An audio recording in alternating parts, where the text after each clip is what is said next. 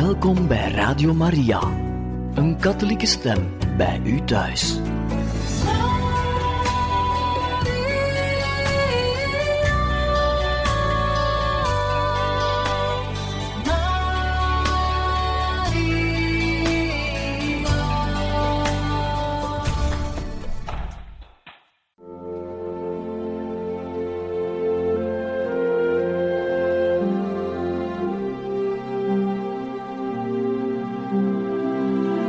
Beste luisteraars van Radio Maria, welkom bij het programma Catechismus.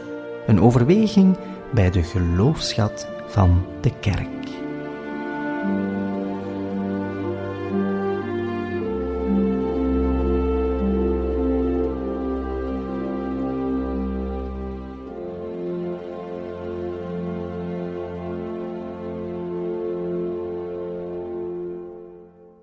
Welkom beste luisteraars in het programma Catechismus. Vandaag gaan we van start met een nieuwe catechese-reeks gebracht door pater Patrick Lens, Dominicaan. Hij spreekt ons over de vier evangeliën en hij begint met meditaties bij het evangelie van Marcus. We beginnen vandaag een aantal meditaties die vertrekken vanuit de vier evangeliën we zouden beginnen met het Marcus-evangelie, dat volgens de exegeten het oudste evangelie zou zijn. We kunnen hier niet ingaan op de ontstaansgeschiedenis van de evangeliën. Daar zijn andere bronnen voor. Daar wordt heel veel over geschreven. Mijn voorstel is om de evangelie vooral een beetje meditatief te benaderen, de geest van de evangelie tot ons te laten spreken. Om de evangelie te lezen als een woord van leven. We weten dat er vier evangeliën zijn: Matthäus, Marcus, Lucas en Johannes. Matthäus en Johannes behoorden tot de kring van de twaalf apostelen. Marcus en Lucas daarentegen tot een tweede kring van leerlingen. En elk van de vier schrijvers heeft een diepgaand verslag geschreven van het leven van Jezus. Elk vanuit een eigen standpunt. En dat is heel interessant zijn mensen die Jezus persoonlijk gekend hebben, sommigen misschien meer op afstand. Maar ze hebben de eerste leerlingen gekend die doordrongen waren van die ontmoeting met Jezus. En ze hebben ook gemerkt hoe die eerste leerlingen leven hebben gevonden in Jezus' naam. En dat is het prachtige. Het evangelie is een levend woord.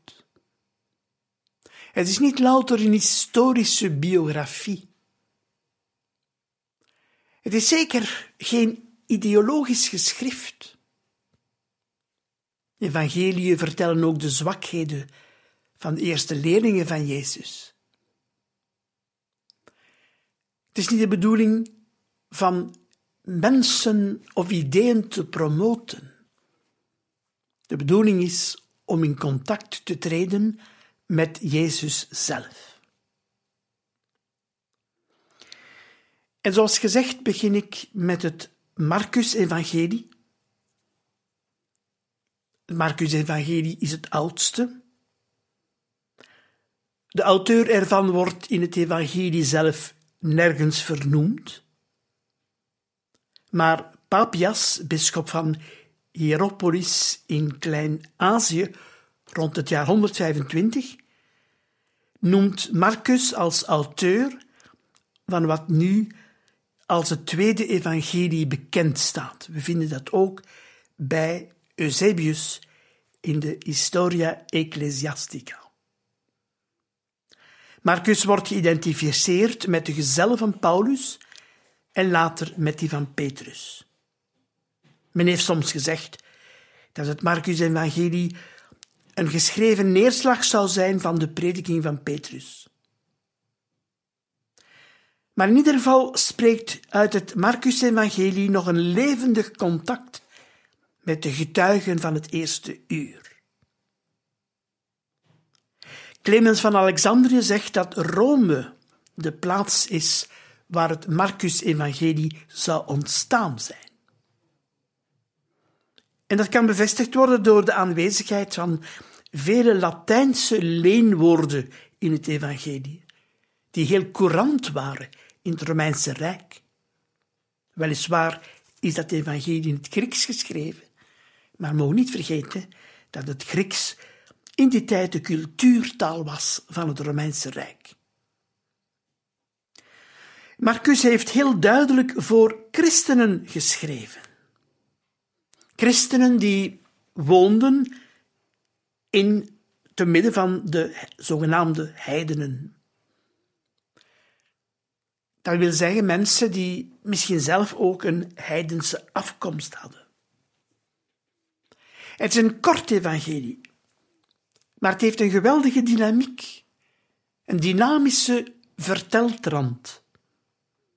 En men zegt dat het Marcus-evangelie bedoeld was om in zijn geheel tijdens de paasnacht te worden voorgelezen.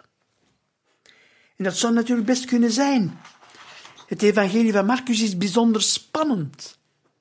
Je voelt van de eerste bladzijde al dat er spanning in de lucht hangt. Jezus gaat naar Cafarnaum in de synagoge en daar begint de boze geest al te brullen. Het Marcus-evangelie is in zekere zin een heel confronterend evangelie, of het evangelie van confrontatie, het evangelie van geestelijke strijd. Die vind je terug op bijna alle bladzijden van het Marcus-evangelie. Sommigen hebben gezegd dat het Marcus-evangelie een passieverhaal is met een lange inleiding. Er is ook geschreven geweest over de Galileese lente. Galilea is de streek waar Jezus oorspronkelijk optrok. En daar was het ook niet altijd gemakkelijk om te prediken. Maar de echte moeilijkheden zouden maar pas komen in Judea en in Jeruzalem.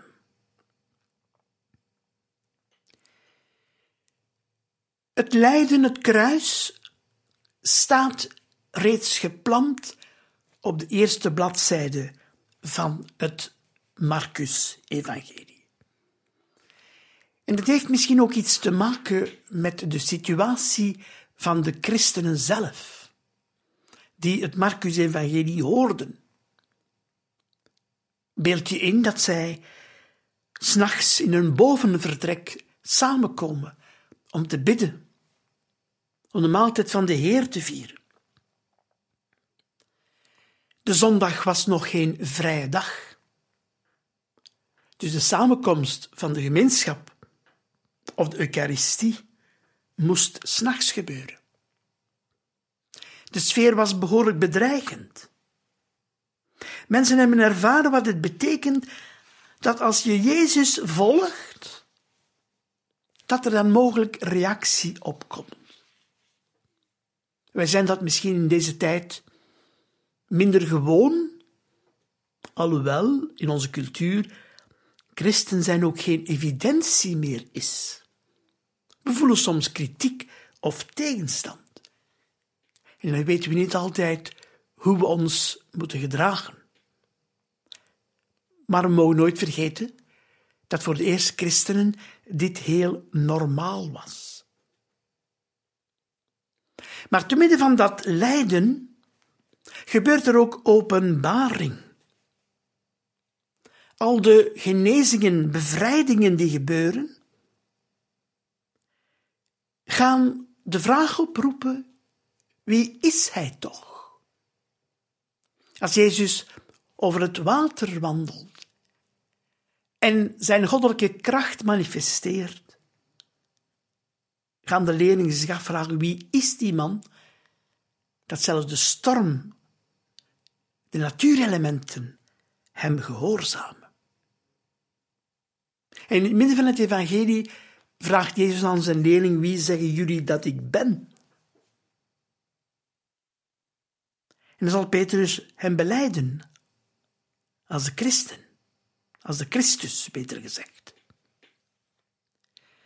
Maar op het einde van het Marcus-evangelie, wanneer er verhaald wordt over de kruisiging, gaat de Romeinse honderdman zeggen, die getroffen is door de manier waarop Jezus sterft, waarlijk, deze is de Zoon van God. Daar zit dus ook een heel sterke geloofsbeleidenis in dit evangelie. Het is een verhaal dat ons wil meenemen. Je zou kunnen zeggen, als het Marcus-evangelie begint, en de tekst zegt heel eenvoudig, begin van het evangelie, van de blijde boodschap van Jezus Christus, de Zoon van God. Je zou kunnen zeggen dat als je begint te lezen, dat je bijna helemaal meegetrokken wordt. Het is zoals een boek dat je leest en je vindt dat zo spannend of zo interessant, dat je er niet meer mee kan stoppen. Dat is ook het beeld van het christelijk leven. Je leert Jezus alleen maar kennen als je met hem meegaat. Als je in de boot stapt met hem. Als je je laat meetrekken. Het zal natuurlijk altijd wel gaan over persoonlijke vrijheid. Jezus dwingt nooit iemand om met hem mee te gaan. Jezus geeft ons een keuze. En hij zegt ons, het zal ook niet altijd gemakkelijk zijn. Maar eens je de keuze gemaakt hebt en eens je in die dynamiek van het evangelie meegaat, gebeurt er iets geweldig. En dat willen we nu verder verkennen in het evangelie, maar we gaan even luisteren naar muziek.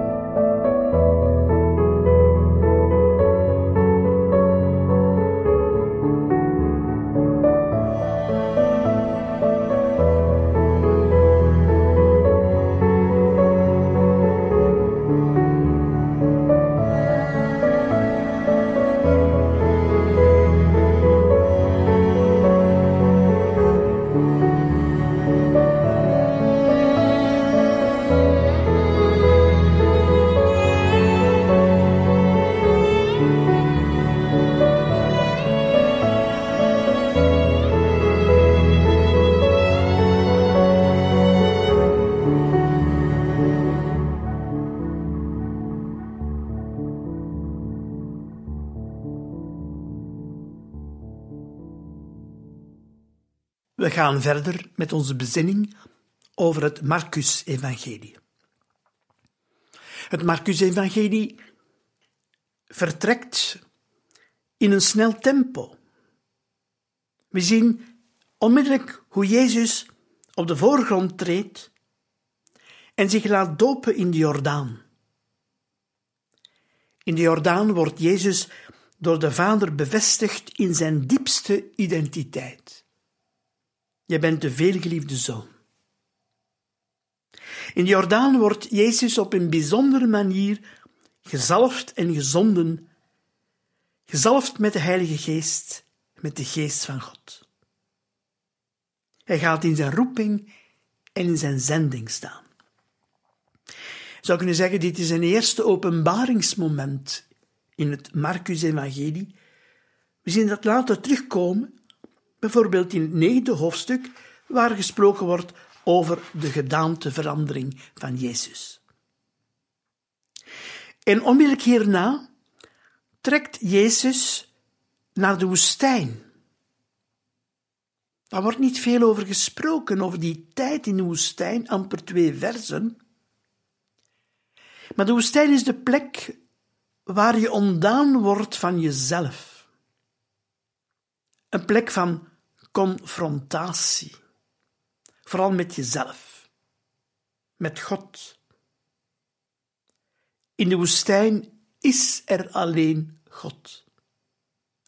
Het is een noodzakelijke doorgangsfase voor wie Jezus wil navolgen. De woestijn is ook de plek van de confrontatie met de boze macht. Jezus is die woestijn niet gevlucht. De tekst zegt: Hij verbleef er bij de wilde dieren. Over de proevingen in de woestijn wordt niet veel gesproken. Op het einde wordt wel gezegd: engelen bewezen hem hun diensten zou kunnen zeggen dat het evangelie van Marcus een heel confronterend evangelie is, waarin Jezus zelf geconfronteerd wordt met de boze macht.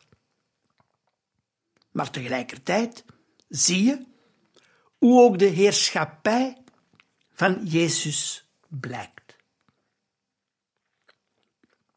Het intense contact dat Jezus vanuit zichzelf, vanuit zijn diepste wezen, had met de Vader, blijkt ook een kracht te zijn die mensen in beweging brengt, die ook de schepping in beweging brengt, die een heel maatschappij in beweging brengt. En vanuit zijn woestijnervaring gaat Jezus de blijde boodschap verkondigen, het evangelion, het evangelie. En een van de belangrijkste kenmerken van zijn verkondiging is de verkondiging van het koninkrijk. Nu, het koninkrijk van God is geen visie of ideologie, het is een werkelijkheid. Het is een ware bekering, een totale verandering. Het evangelie spreekt over metanoia, bekering, maar je zou dat ook kunnen verstaan als van gedachten veranderen. Maar als je van gedachten verandert, krijg je ook de neiging om anders te leven, om daar iets mee te gaan doen. Je eigen gezindheid veranderen is zo moeilijk. Het kan slechts gebeuren door confrontatie. Om nu verder na te denken over wat is het koninkrijk, zou je kunnen de vraag stellen, ja, maar hoe moeten we dat vandaag verstaan? Koninkrijk is heersen, beheersen. Als we naar de wereld van vandaag kijken, zien we veel bedreiging, soms ook chaos. De wereld lijkt meer en meer onbeheersbaar te worden. Ook soms voor de autoriteiten. Er is oorlog. We kennen de pandemie. En toch zegt Jezus: God heerst. De tijd is vervuld en het koninkrijk van God is nabij, zegt Jezus. Bekeer u en geloof in de blijde boodschap. Wat wil dat zeggen? Kijk naar het heersen van God. Naar die momenten in uw leven, in de wereld, waarop iets blijkt van Gods invloed. En Jezus zegt, die invloed van God gaat nu duidelijk voelbaar worden. Die bekering heeft te maken met een beweging. Het gaat niet alleen over ideeën, over je best doen en goed zijn voor anderen. Dat is zeer belangrijk, uiteraard. Maar het gaat vooral om de beweging die God op gang wil brengen. En dat zal een prediking zijn die zeer oproepend is en die een bijna onweerstaanbare kracht zal hebben. Een prediking die gepaard gaat met tekenen, de wonderen van Jezus, zijn genezing, de genezing die hij gebracht heeft aan zoveel mensen, maar ook het uitdrijven van boze machten. En dat zal het teken zijn van het koninkrijk dat op handen is. Dat mensen nieuwe inspiratie krijgen. Dat zij opnieuw bewogen worden. Maar ook dat mensen bevrijd worden. Loskomen van de slavernij van het boze. Dat mensen nieuw leven vinden. Nieuwe kracht. Liefde. Er beweegt iets in deze wereld. Het heersen van God krijgt een vandaag. Vandaag is de heerschappij van God. Vandaag neemt God een nieuw initiatief. Het is iets, een beweging die God zelf in gang brengt. In het Oude Testament werd er gezegd: Shema Israël, luister Israël. Maar in het Nieuwe Testament is Jezus nu ook te zien. Te zien als degene die als beeld van God menselijk zichtbaar wordt en daden stelt die de blik en het hart van mensen openen, mensen opnieuw samenbrengt vanuit aanstekelijke prediking van Gods nabijheid. En om de waarheid van Gods nabijheid te bevestigen. En ook om te laten zien dat Gods nabijheid heilvol is, zal Jezus mensen genezen en bevrijden.